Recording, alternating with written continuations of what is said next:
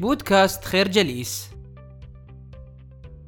المرأة ليست ذلك الكائن الذي ترسخ في أذهاننا من شدة التزوير الثقافي. فإذا أحبت المرأة زوجها أو اعترضه أي عائق مادي أو اقتصادي وشعرت أنه لا يريد أن يصدمها أو يخبرها بما آلت إليه أوضاعه المزرية تعاملت مع كل هذا الطارئ كونه مرحلة عابرة مهما طالت أو عانت. وكل هذا يأتي من ذلك الإيمان إيمان الطفلة التي فيها والتي أحسن إليها الزوج.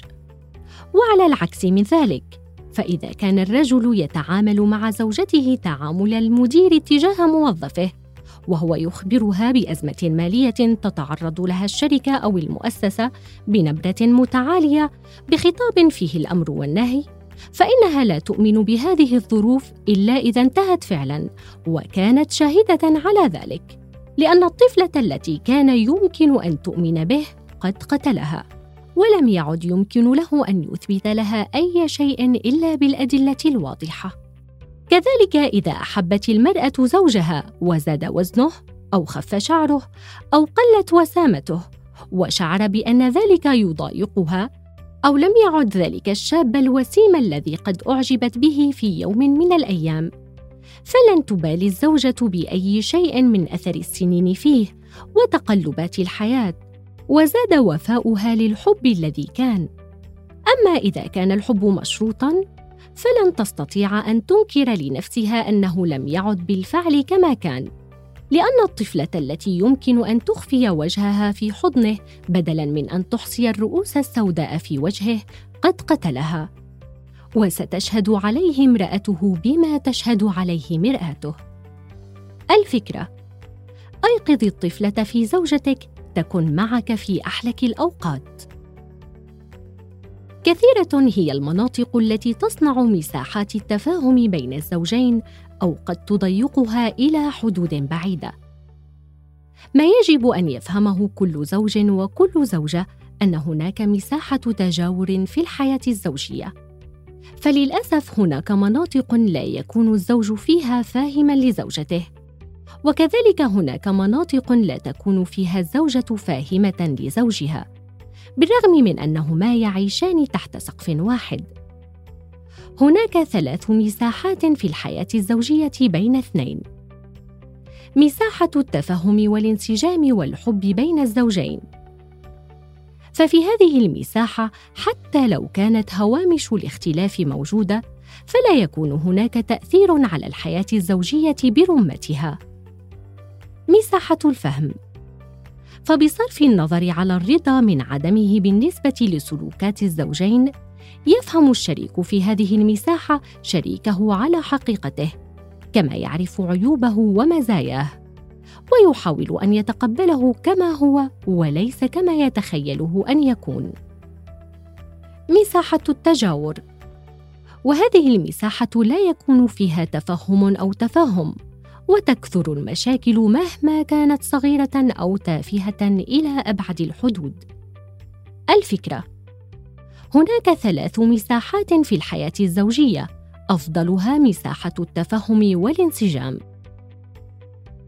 في كثير من الأحيان ولسبب من الأسباب قد تضطرك الظروف للقبول بالزواج من امرأة فقط لإرضاء جانب اجتماعي يضغط عليك أو بسبب إكراه من الوالدين.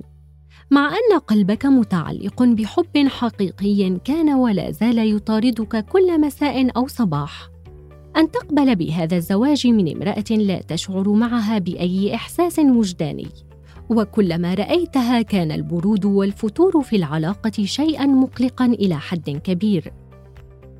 هذا الوضع قد يجعل من الإنسان الذي أصبح هذا هو حاله انسانا ظالما. فالغالب أن الإنسان لا يستطيع أن يستقبل روح إنسان لا يحبه ولا يكترث إليه. وهذا يجعل من الحياة الزوجية حياة جحيمية. لهذا لا بد من الأمور التالية. لا تتعامل مع زوجتك التي لا ذنب لها تعاملا جافيا ظالما. لا تقبل على الارتباط إلا وقد شعرت بنوع من التعافي. تعافى من قصتك القديمة واحرص على بناء عالم جديد وإلا أنت مجرد ظالم. الفكرة الحب القديم قد يكون مأساة على الحياة الزوجية التي تتأسس تحت الضغط. يقع الحنين الغامض عند بعض الرجال أو النساء الذين خاضوا في هذه الحياة تجربة صعبة انتهت إلى الفشل. في الحقيقة كلنا معرضون لأن نخفق في بعض اختياراتنا أو علاقاتنا الاجتماعية لسبب من الأسباب. لكن المشكلة هي أن كل واحد منا يحمل هذا الحنين معه حتى في علاقاته الجديدة خاصة إذا كنت تشعر بأنك قد أنفقت جهدا طويلا في علاقتك السابقة دون أن تحصل على نتيجة أو دون أن يقابلك الطرف الآخر بنفس الجهد والمردود.